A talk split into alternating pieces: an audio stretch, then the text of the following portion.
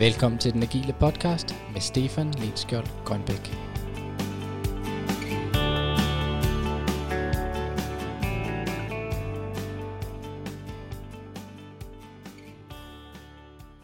Velkommen til endnu et afsnit i den agile podcast. I dagens afsnit har vi besøg af Philip. Philip er en del af Ugilic og en ganske dygtig og også ganske teknisk agil coach. I dagens afsnit tager vi fat på en, en udfordring, som der nok er kendt for, for rigtig mange teams derude. Det er et afsnit, der er i kategorien agil med agil ovenpå.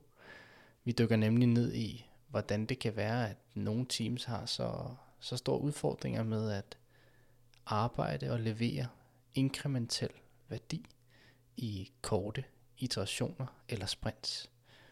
Nogle af de gængse udfordringer tager vi hul på her og kigger på dem med ret tekniske briller.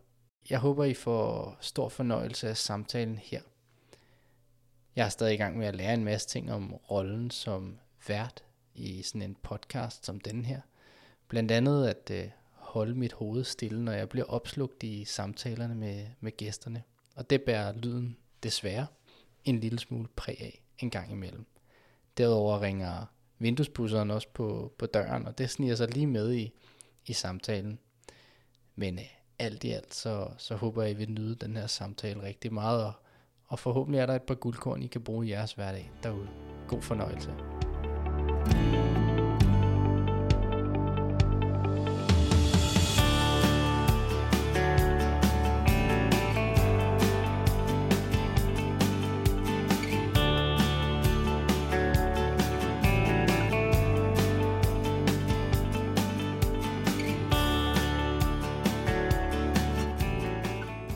trods af, at de måske har øh, mange tingene øh, kørende for dem, at de ikke er et, et dysfunktionelt team, eller, øh, og de har de kompetencer, der skal til, så på trods af det, mm.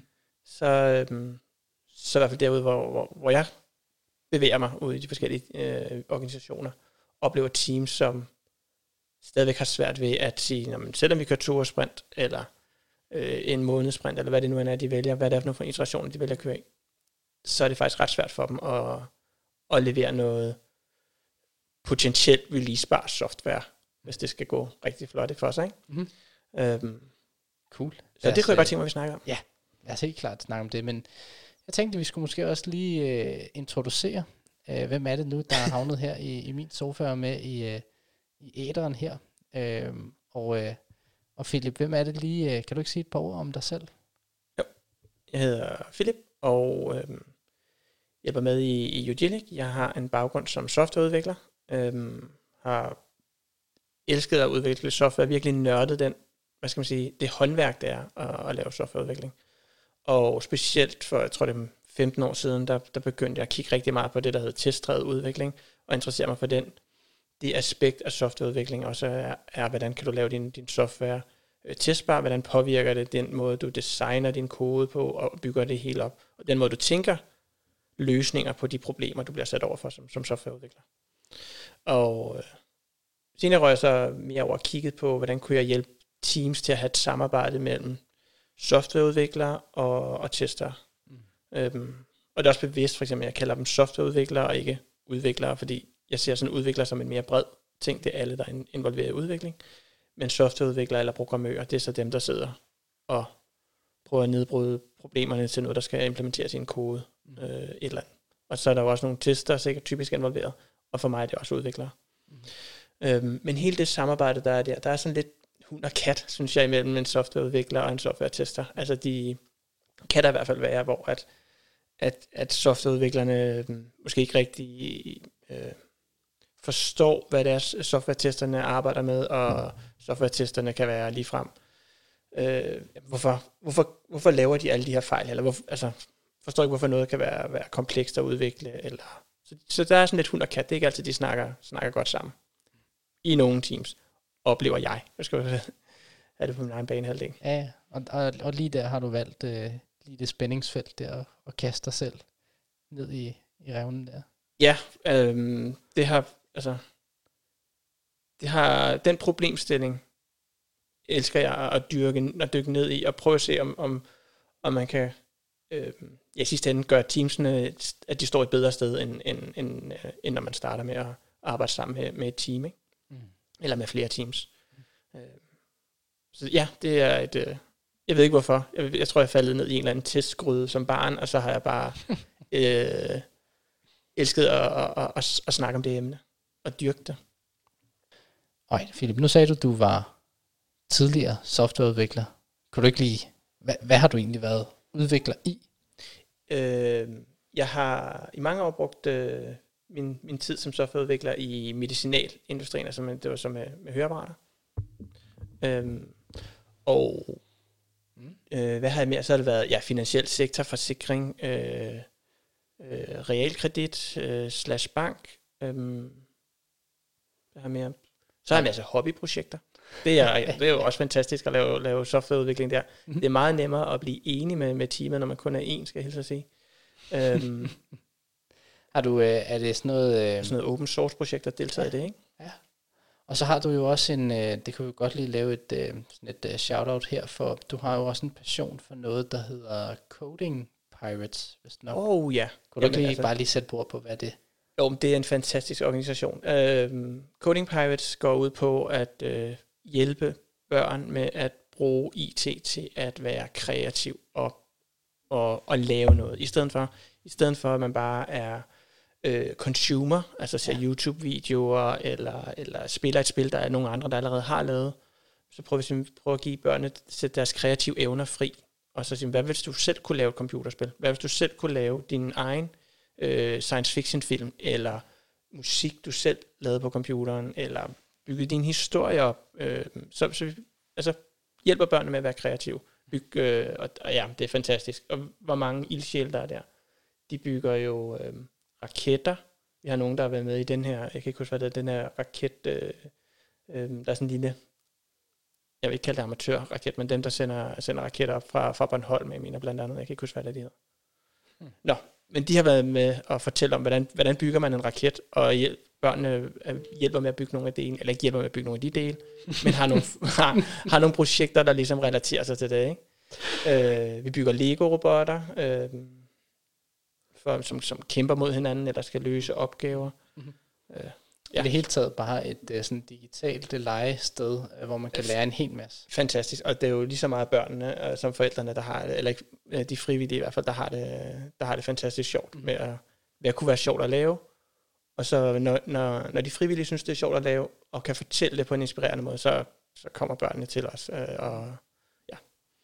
Så det, det er en fantastisk organisation. Øhm, det lyder som om, at øh, man, man helt sikkert har, kunne have nogle, øh, have nogle sjove timer der, øh, men også at man, man rent faktisk kunne lære en masse. Ja, der er, nogle, altså, der er nogle af de der unger der, de er virkelig skarpe. Der er nogle af dem, som er, der findes øh, øh, sådan nogle sikkerhedstest, hvor at, at de skal konkurrere med hinanden mod, mod andre øh, teams, om hvem kan hacke computer og komme ind på server og sådan nogle ting. Okay. Øhm, og øh, der, der vinder de over de her hold. Der er nogle af dem, der vinder over nogen, der går i gymnasiet eller på universitetet. Øhm, ja. så, så, så der er altså nogle, øh, der, der er nogle skarpe knive i den skuffe der, øh, nogle talenter. Sejt. Og så er der nogen, som bare synes, det er skide sjovt bare at få lov til at lege. Ja, ja. Øhm. Sejt. Hvor, hvor gammel skal man være for at, at starte op i det der? Øhm, vi plejer at sige fra en... Jeg skal lige sige, at jeg, jeg er desværre stoppet som, som frivillig nu, men vi plejer at sige fra en 6-7 år, og så op til en 15-16 år. Mm. Øhm, det, det er sådan en meget god øh, gruppe. De, det optimale er nok en 8-9-10 år at, at starte som i den alder. Mm. Mm. Øh, der, det er voldsomt populært. Det er nærmest, altså, øh, den afdeling, som, som jeg var med i, der var der en, øh, der var der en, en venteliste på, jeg tror det var 5-6 år. Mm.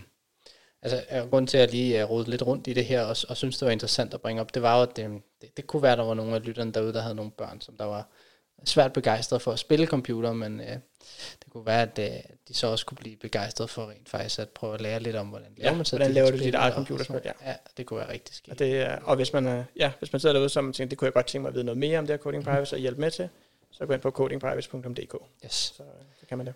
Godt nok om uh, Coding Pirates, og så, så havde vi jo også et, uh, et emne på, uh, på tapetet, og, uh, og vi skal jo snakke lidt om det her med at uh, kunne, kunne levere øh, hvad skal vi sige, software og produkter.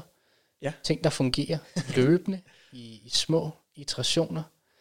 Det, det lyder da ikke så svært, gør det? Nej, nej, slet ikke, når man jo allerede har øh, opskriften i for eksempel i et, i et Scrum framework, ja. så tænker man, der står jo, øh, der, der, det, er jo ikke særlig, det er jo ikke særlig komplekst, der står jo, man skal bare have et krydsfunktionelt team, øh, det skal være selvorganiserende, øh, ja.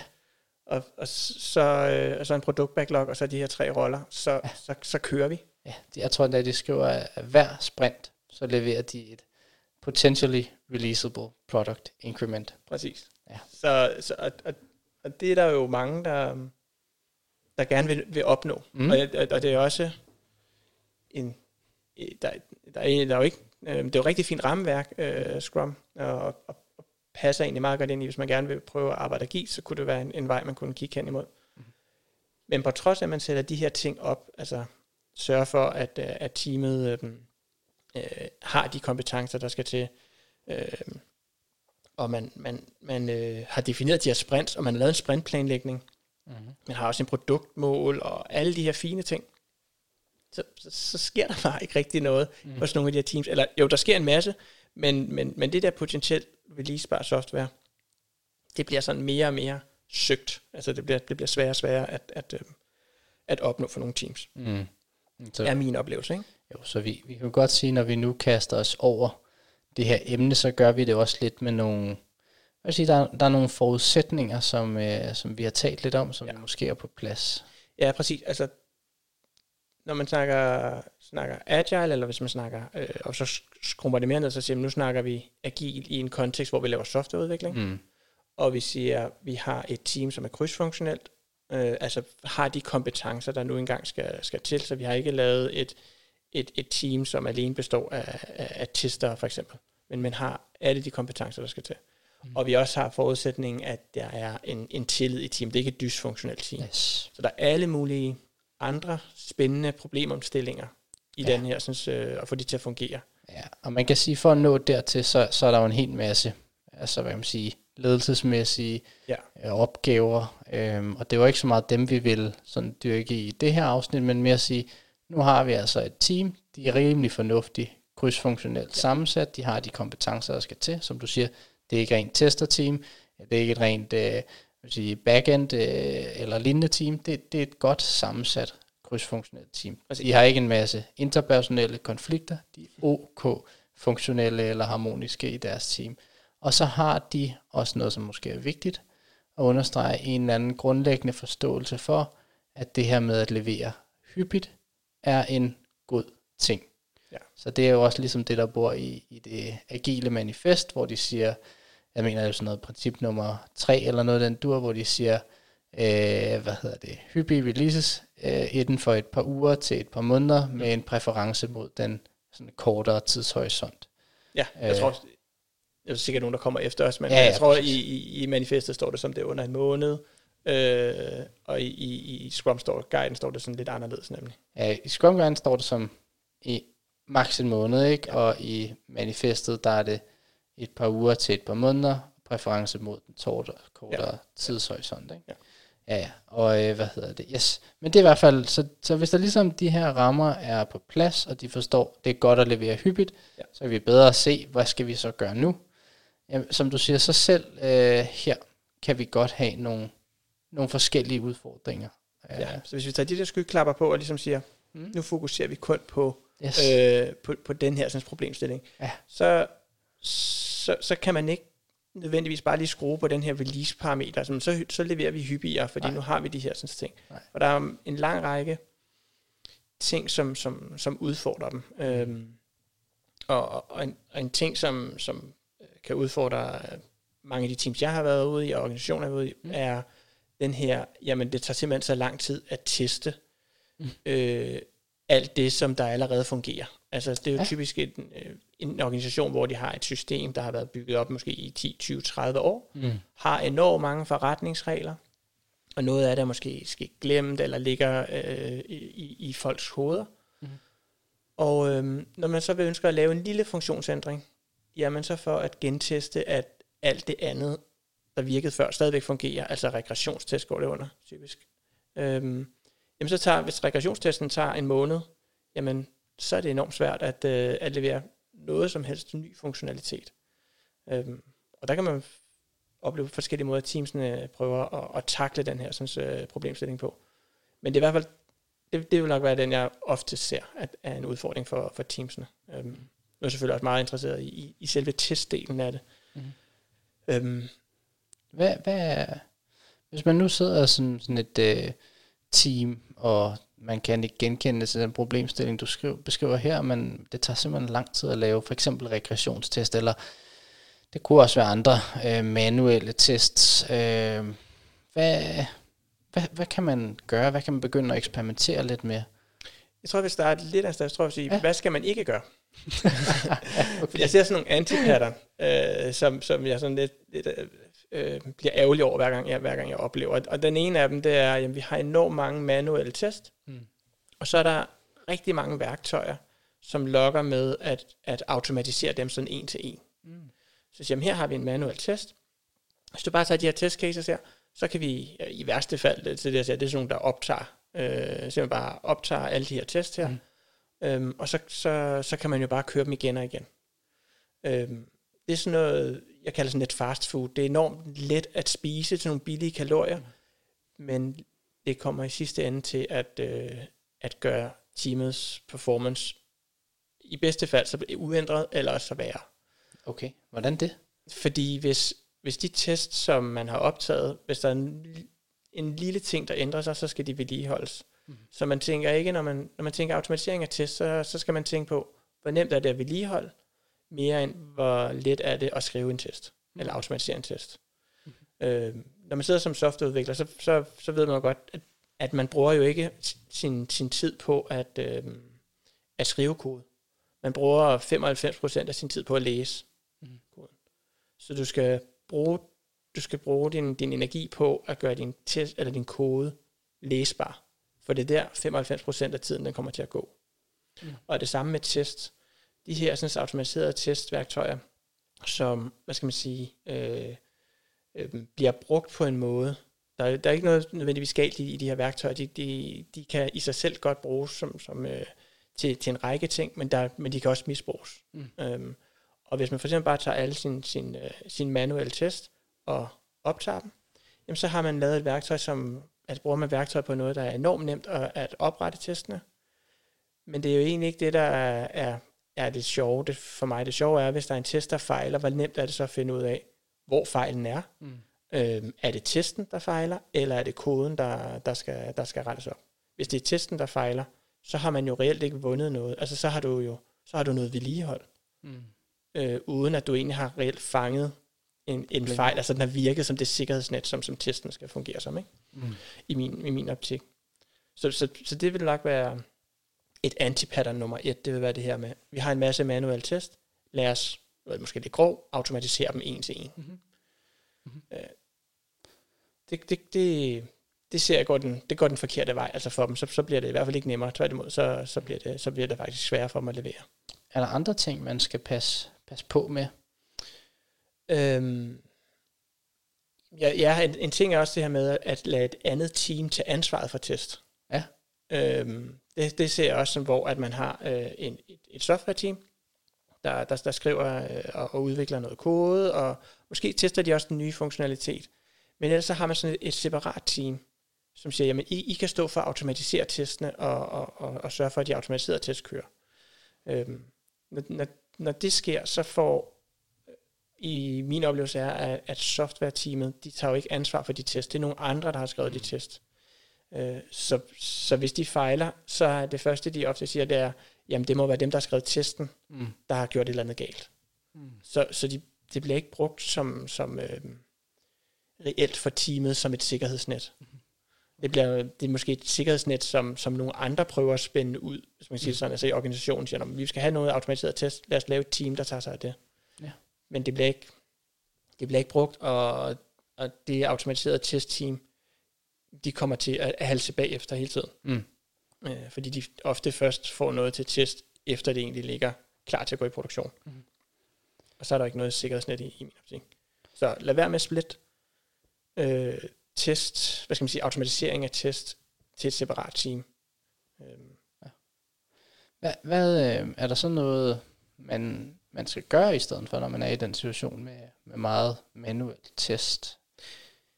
Jeg tror ikke på, at der er sådan en, eller jeg har ikke fundet den, øh, den her sådan simple måde at, at få det løst på. Det, det er et langt sejtræk. Mm. Øhm, den første, jeg vil, jeg vil kigge på, det er, at øh, hvis der sidder softwareudviklere og tester, at de ikke får lavet lokale optimeringer. Mm. Og det, med det mener jeg, at, at softwareudviklerne tænker, jamen, hvor hurtigt kan jeg få det her sendt videre til test? Øh, fordi jeg sidder selv som softwareudvikler og ved, at, øh, eller da jeg sad som softwareudvikler, hvis jeg skal skrive noget øh, kode, og så bare aflevere det videre til nogle andre, der skal teste, så går det væsentligt hurtigere, end hvis jeg også skal sige, hvordan kan jeg selv teste det her kode automatisk? Hvordan kan jeg selv skrive udviklertest, eller unit-test, eller hvad vi nu skal kalde dem? Hvordan kan jeg selv skrive dem?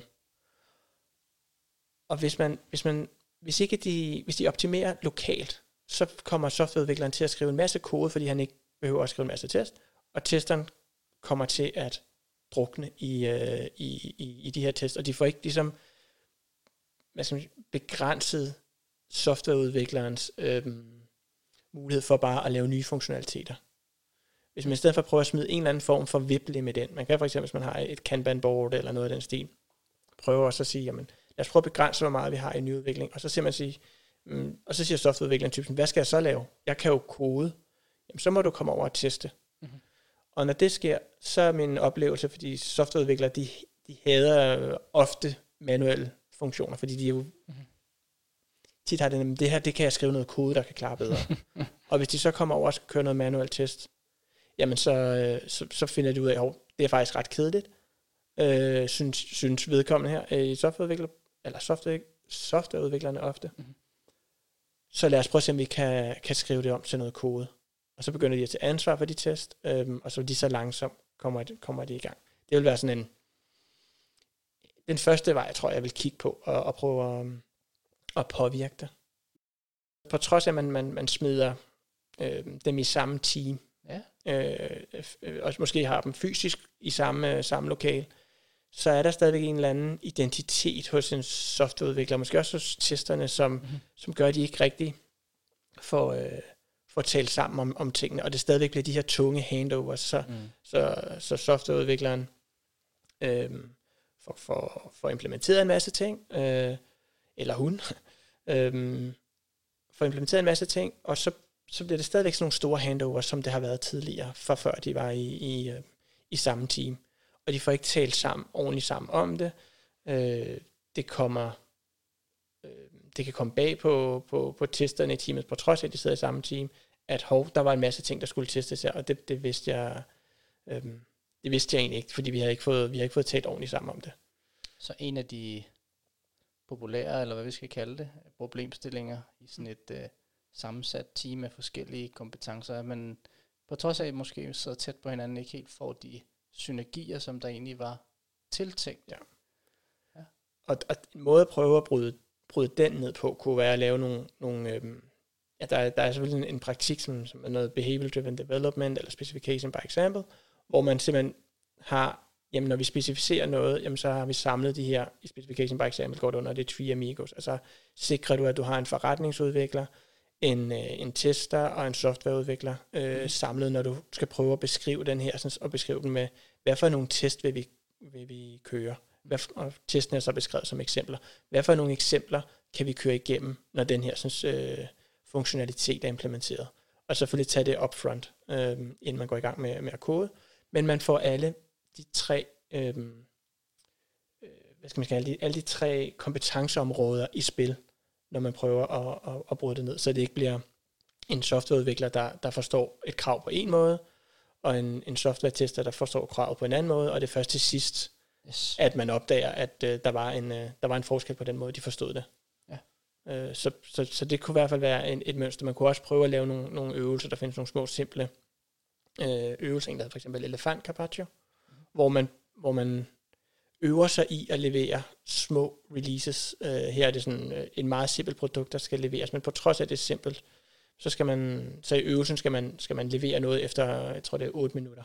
Så man har et 8 minutters sprint. Mm. Så der skal du simpelthen kunne levere noget software. Det er selvfølgelig for, at at træne det, men der, der er også noget relationsopbygning mellem software-testeren og softwareudvikleren mm. øh, i, øh, i at lave sådan nogle øvelser. Mm. Så det er også nogle ting, man måske kan gribe an. Hvis man sidder der som en agil coach eller en scrum master, eller hvad, hvad man nu kalder øh, dem, som kan, måske kan prøve at observere, hvordan teamet samarbejder, øh, så, kunne man, øh, så kunne man gribe fat i nogle af de ting. Så der, det, du, det du lidt øh, siger, det er, at der er en, der er en række, øh, hvad kan vi sige, samarbejdspraktikker, som der kan hjælpe en med at skabe lidt mere synergi øh, i sådan et team der, hvor man kommer lidt tættere på hinanden. Og i bund og grund handler det vel meget om at undgå store badges selv inde i et team, og undgå at den ene eller den anden løber for langt med sin opfattelse ja. af verden, inden vi får valideret den sammen, har vi den samme opfattelse af, hvor ja. vi er hen. Helt sikkert. Og, og, og det, der kommer måske også lidt ind på, hvordan man så, der vil jeg også sige, der er sådan lidt et antipattern, der jeg synes, det er et antipattern, i forhold til det med at splitte opgaverne, eller storiesne, ja. eller hvad skal vi kalde dem? Skal vi kalde dem stories, uh, product backlog ja, items, hvad det nu end er, man har her som en funktionalitet, et behov, man forsøger at løse. Hvordan man forsøger at splitte det op. Øhm, fordi når de så viser sig at være for store, så er der jo rigtig mange øh, templates eller skabeloner, man kan prøve at tage fat i for at sige, hvordan kan vi, hvordan kan vi splitte dem. Øh, Spider for eksempel er en, hvor man, man kan kigge efter forskellige øh, muligheder og splitte dem op på. Og de, øh, dem synes jeg er rigtig gode, og, og endelig prøve, prøve at se, om det kan give mening at, at bruge nogle af dem. Men et antipattern, jeg ser, det er, at man så bare får splittet dem op i en analyse. Mm. Så kan man så kalde det en spike, men, men jeg ser det stadigvæk lidt som en analyse. Mm. Øh, og så kan man få lavet en, en anden story, som man, så får vi kodet det, og i sidste ende, så får vi lavet noget verifikation. Og så har man jo, hvad skal man sige, lavet noget, der kan gå ind i et sprint, men du har stadigvæk de her batches, øhm, som, som, som du kæmper med. Det er vel også en ret populær, vi vil bruge, øh, jeg ved ikke om populær er det rigtige ord, men i hvert fald en ofte set udfordring, som du nævner her, det her med, at man, man nu arbejder vi i sprint, 14 mm. dage sprint, ja. øh, og så prioriterer man rigtig højt, at vi skal kunne levere noget, der er færdigt i løbet af de 14 dage. Altså at arbejde, en arbejdsopgave skal være 14, øh, inden for, færdig inden for de 14 mm. dage.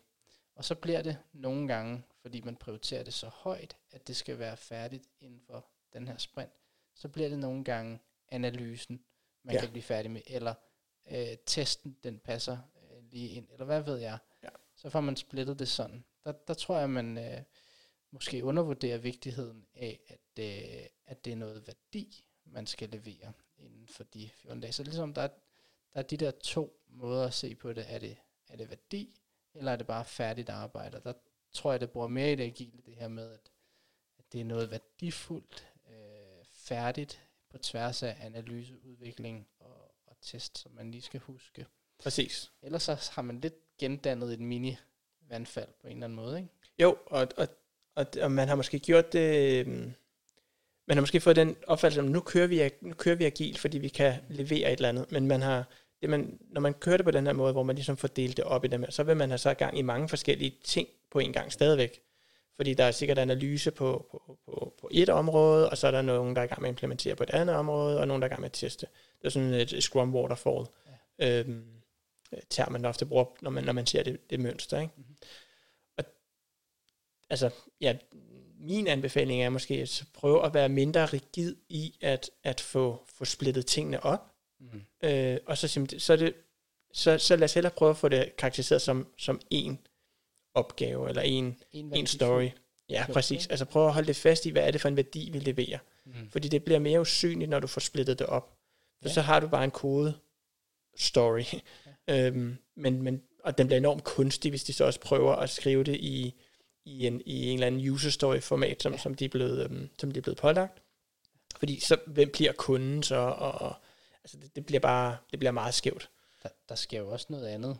Øhm, altså ud over, som du siger, at det, at det bliver meget utydeligt, øh, og det bliver meget øh, sådan lidt pseudo, når vi får delt det ned i sådan en, her er der en kodeopgave, og så prøver vi at skrive et, et user story format på. Øh, det der jo også sker, det er, at vi måske går fra at have en værdifuld klump på vores product backlog item, eller product backlog, mm. undskyld, til at have øh, øh, måske fem eller seks tekniske klumper. øh, og så måske en testklump og en, øh, hvad hedder det, analyseklump. Så vi har sådan 6-8 klumper per værdifulde øh, product backlog item. Og hvis vi har alle dem på vores product backlog, og vi har måske altså tifoldigt så mange, så kommer vi lige pludselig til at have rigtig, rigtig mange ting på vores product backlog. Ja, der er de her afhængigheder imellem dem. Ja, altså, jeg præcis. kalder dem sådan de skjulte tråde, der er imellem Ja, dem, fordi at man, man vil jo gerne nå, opnå en vis form for uafhængighed på den her produkt backlog item, ja. fordi ellers så, så eller øh, var det mig, på den her produkt backlog vil man gerne opnå en eller anden form for, for uafhængighed. Og, og, det, og det, det, det, går man, det giver man jo også køb på. Ja, præcis. Øh. Så, så det er helt klart, det er et pattern, jeg ser, eller et mønster, jeg ser rigtig meget der, at man, man i virkeligheden prioriterer scrums, øh, hvad hedder det, sprint og sprintlængde. Altså hvis man virkelig står i den situation og siger, vi kan ikke levere noget færdigt og værdifuldt inden for 14 dage. Det er det, vi snakker om lige nu. Mm. Det eksempel, vi snakker om her. Hvad skal man så gøre? Og det, som vi ser, det er i hvert fald det, jeg hører dig sige også, og det jeg ser, det er, at folk de prioriterer rigtig højt at gøre noget arbejde færdigt inden for 14 dage, og så ender man med at sidde og estimere, øh, hvor stor er en analyseopgave, eller hvor stor er en testopgave, og man får rigtig mange ting for sin øh, product backlog, fordi man har splittet det ud i alle de her, sådan, øh, vi kan kalde dem tekniske komponenter, som der er en masse forskellige afhængigheder imellem. Øh, og det gør også, at man mister lidt øh, overblikket over, hvor langt er man på de forskellige ting. Man kommer til, som du nævnte før, at arbejde på rigtig mange forskellige ting, altså have mange forskellige mm. ting i gang, skaber endnu flere øh, misforståelser og handovers i, i sådan et team, øh, og bare øger risikoen for fejl og, og tilbageskridt senere. Så man har simpelthen prioriteret, på en eller anden måde kan man sige, at man har prioriteret Scrum over Agile i virkeligheden. Hvis vi lige går tilbage til vores snak i starten omkring det agile manifest, hvor der jo netop står, at øh, altså det er bedre at levere noget, der fungerer inden for en kort tidshorisont, men de skriver jo et par uger til et par måneder, tror jeg, det er deres øh, formulering af, men selvfølgelig en præference mod den kortere tidshorisont. Så man har simpelthen prioriteret så højt, at vi skal levere noget, et eller andet klump, som vi kan kalde for færdig inden for et sprint. At man er kommet til at bryde sit arbejde ned lidt uhensigtsmæssigt, og det giver alle mulige tilbageslag eller, eller ærgerligheder, ikke?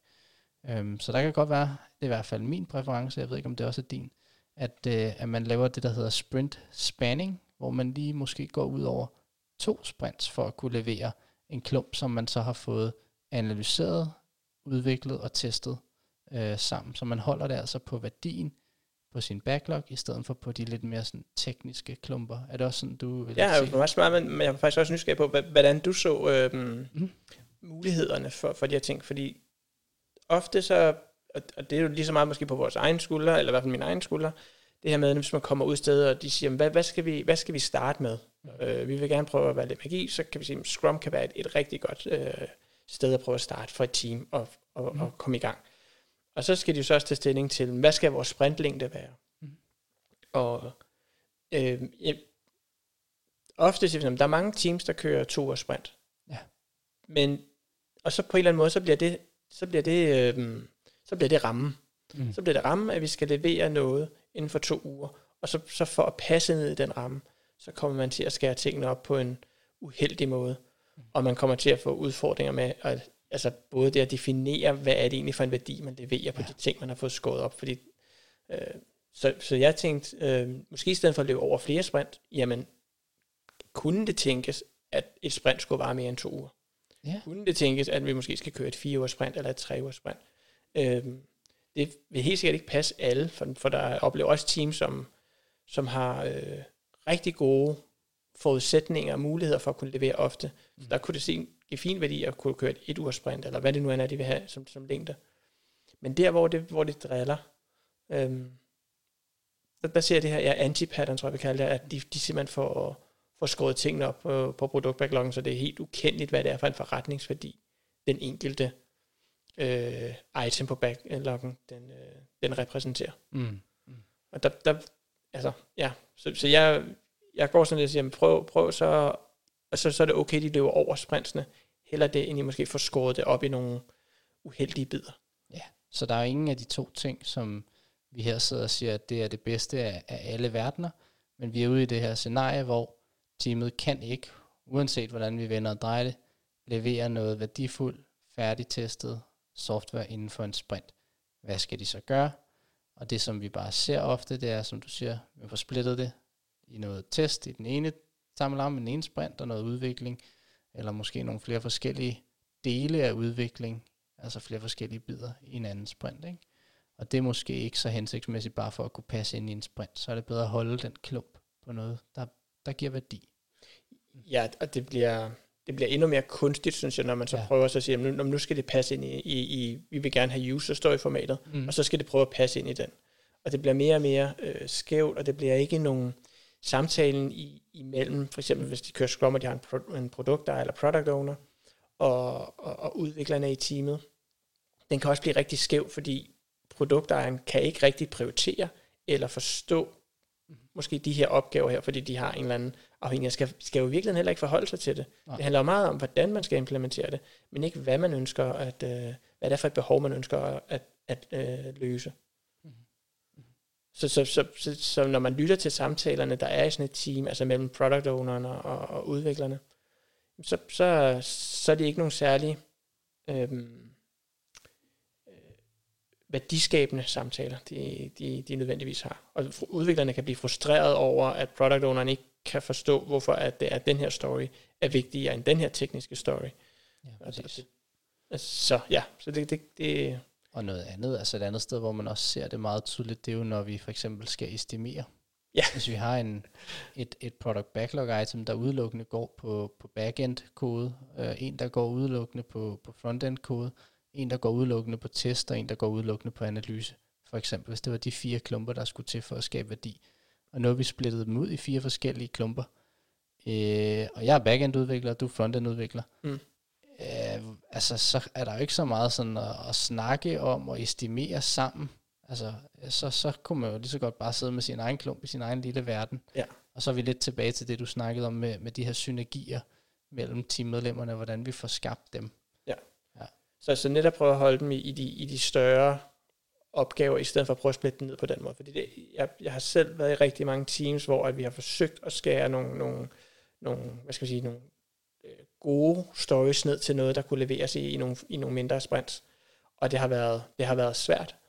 Så, så vil min så, så hellere bruge energien et andet sted, end prøve at få dem ind, end at splitte dem op i de her sådan, øh, øh, ja, øh, test og backend-udvikling, front-end-udvikling, hvad det nu end måtte være, for, for en måde, de prøver at skabe dem op på. Mm. Øh, så jeg prøver at, at undgå det. Det vil være mit råd. Mm. Øh, så hellere have nogle, nogle, nogle stories, som rent faktisk, som product owner kan forholde sig til.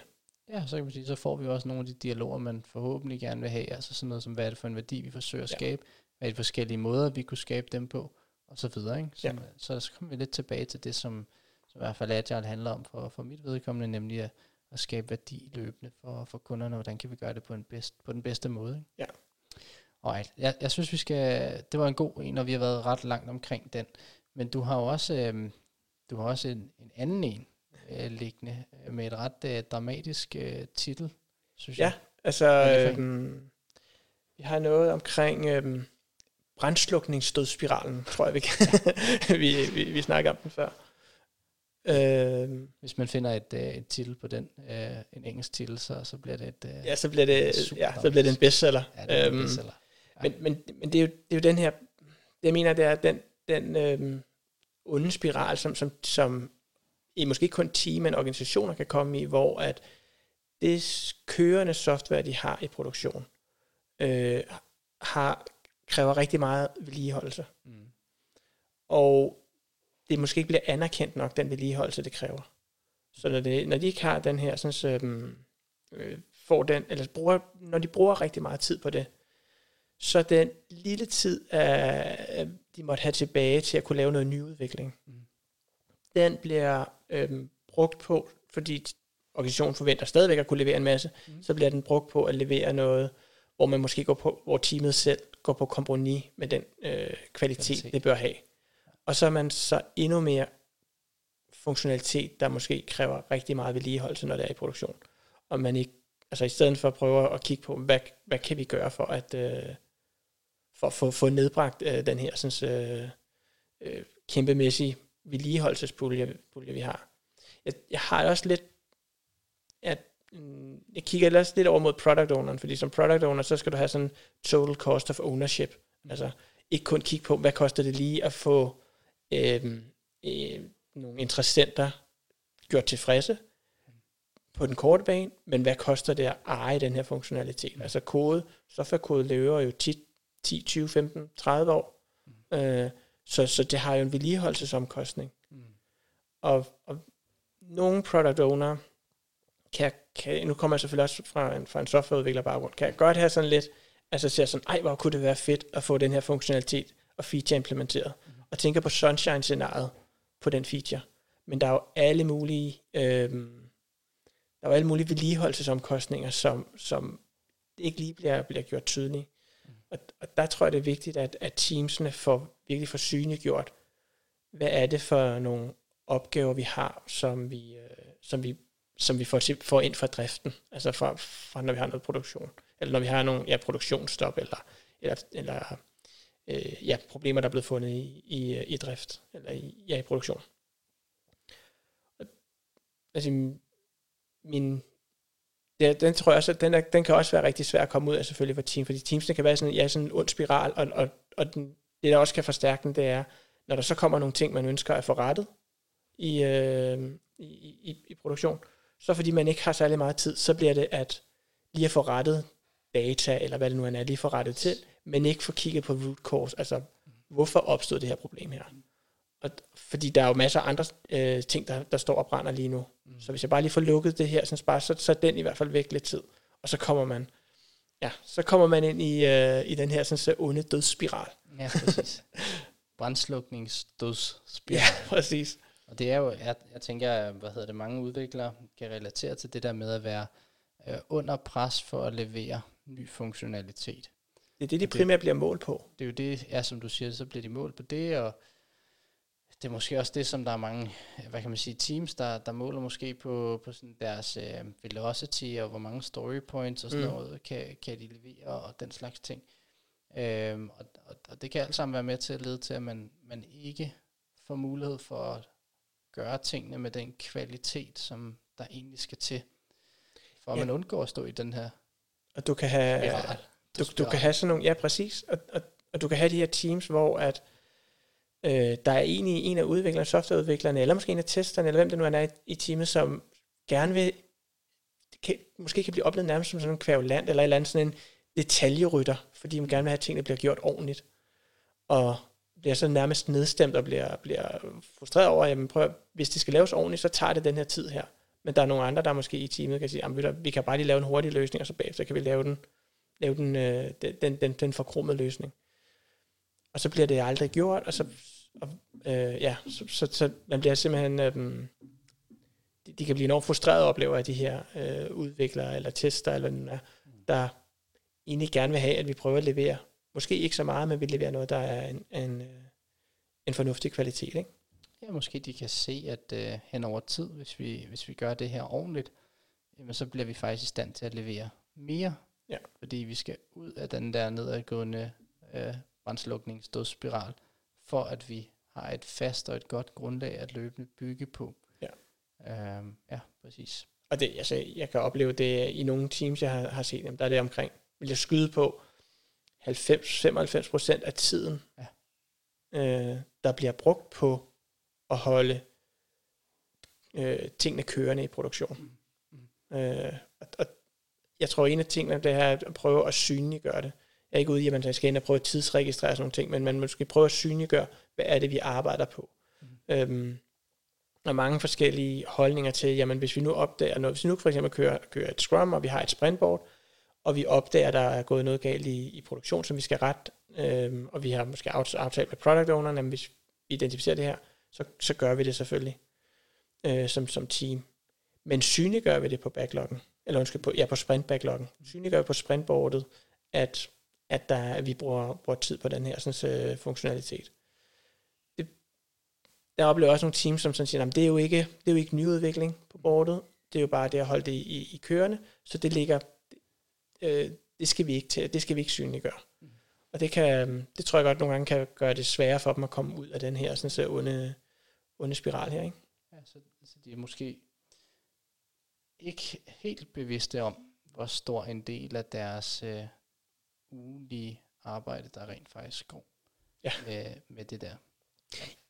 Jeg tror, ja, altså det jeg ser, det er, at, at at en del i, i teamet er ofte bevidst om det, mm. men, men udenom er de nok ikke bevidst Nej. om det. Altså product owner eller stakeholders, dem der kommer ind med ønsker til ny funktionalitet, øh, har ikke øje for den, øh, den øh, hvad skal man sige, øh, arbejdsbyrde, som, som, som teamet er, er overfor. Mm. De oplever bare et team, som, som ikke leverer særlig meget værdi. Ja. Ja. Og står der og tænker, hvorfor? Yes. og bliver mere og mere frustreret, og bliver mere og mere presser en product owner måske mere og mere på, altså, det er sgu vigtigt, at vi får leveret alt det her, øh, nu og her, øh, for at vi kan følge med.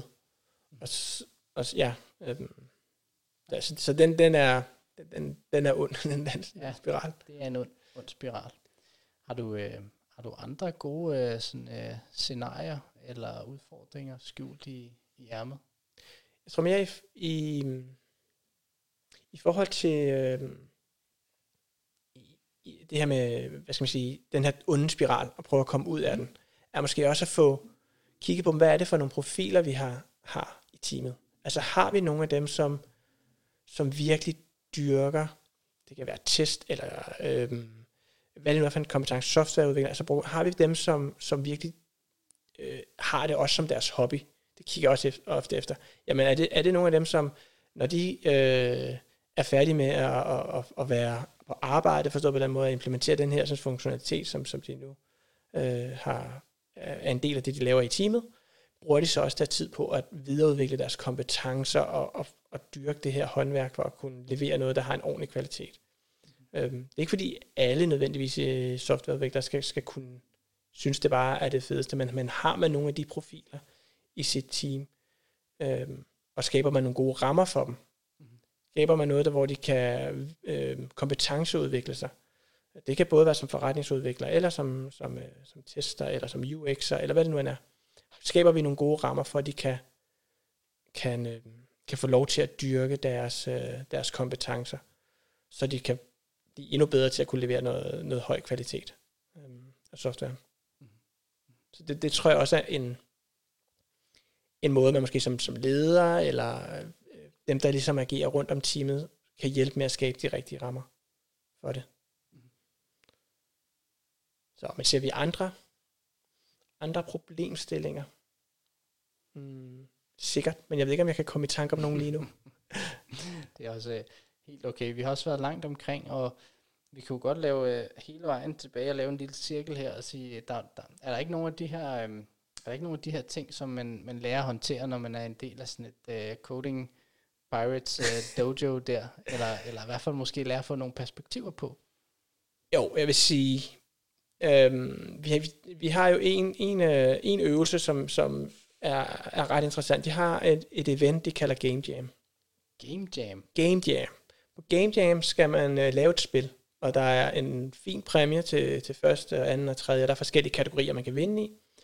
Øhm, man har 24 timer, fra man får oplægget på, hvad det er for et tema, til man præsenterer det for en dommer. Øhm, og gruppen er typisk en 3, 4, 5 øh, Coding Pirates børn, øh, som deltager, og nogen kender slet ikke hinanden.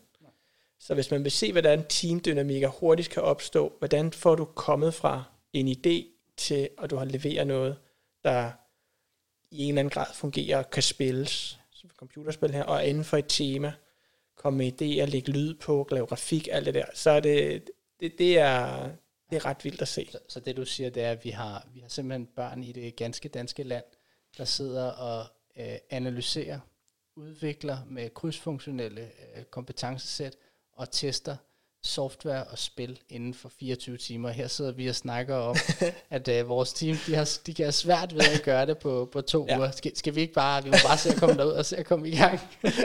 det, er, det, det er ret vildt. Jeg vil sige, måske kvaliteten ikke er helt Nå, høj nok okay. til, at man, kan, man, man, lige kan pakke det ind i en boks, og så, så sælge det på, på Steam eller, eller andre steder. Nej. Men, men og det vigtigste er jo også, at ungerne har det sjovt. Ja, det er jo ikke, det, er det, er og det, Men det de har kan man, godt få en dag til. Og det, det er ret vildt at se. ja, en dag til, så er den, så er den Ja, pakket er den der. Ja. Alright, fedt. Philip, det var super fedt, at uh, du ville komme og, uh, og, hvad hedder det, dække det her emne og lige dykke ned i det og, og, og også bevæge os lidt rundt omkring det. Det har været en uh, kæmpe, kæmpe fornøjelse. Tak, og lige måde, Stefan. Det var fantastisk at sidde i din lyse stue. Det er godt, du. Vi ses. Vi ses. Hej. Hej.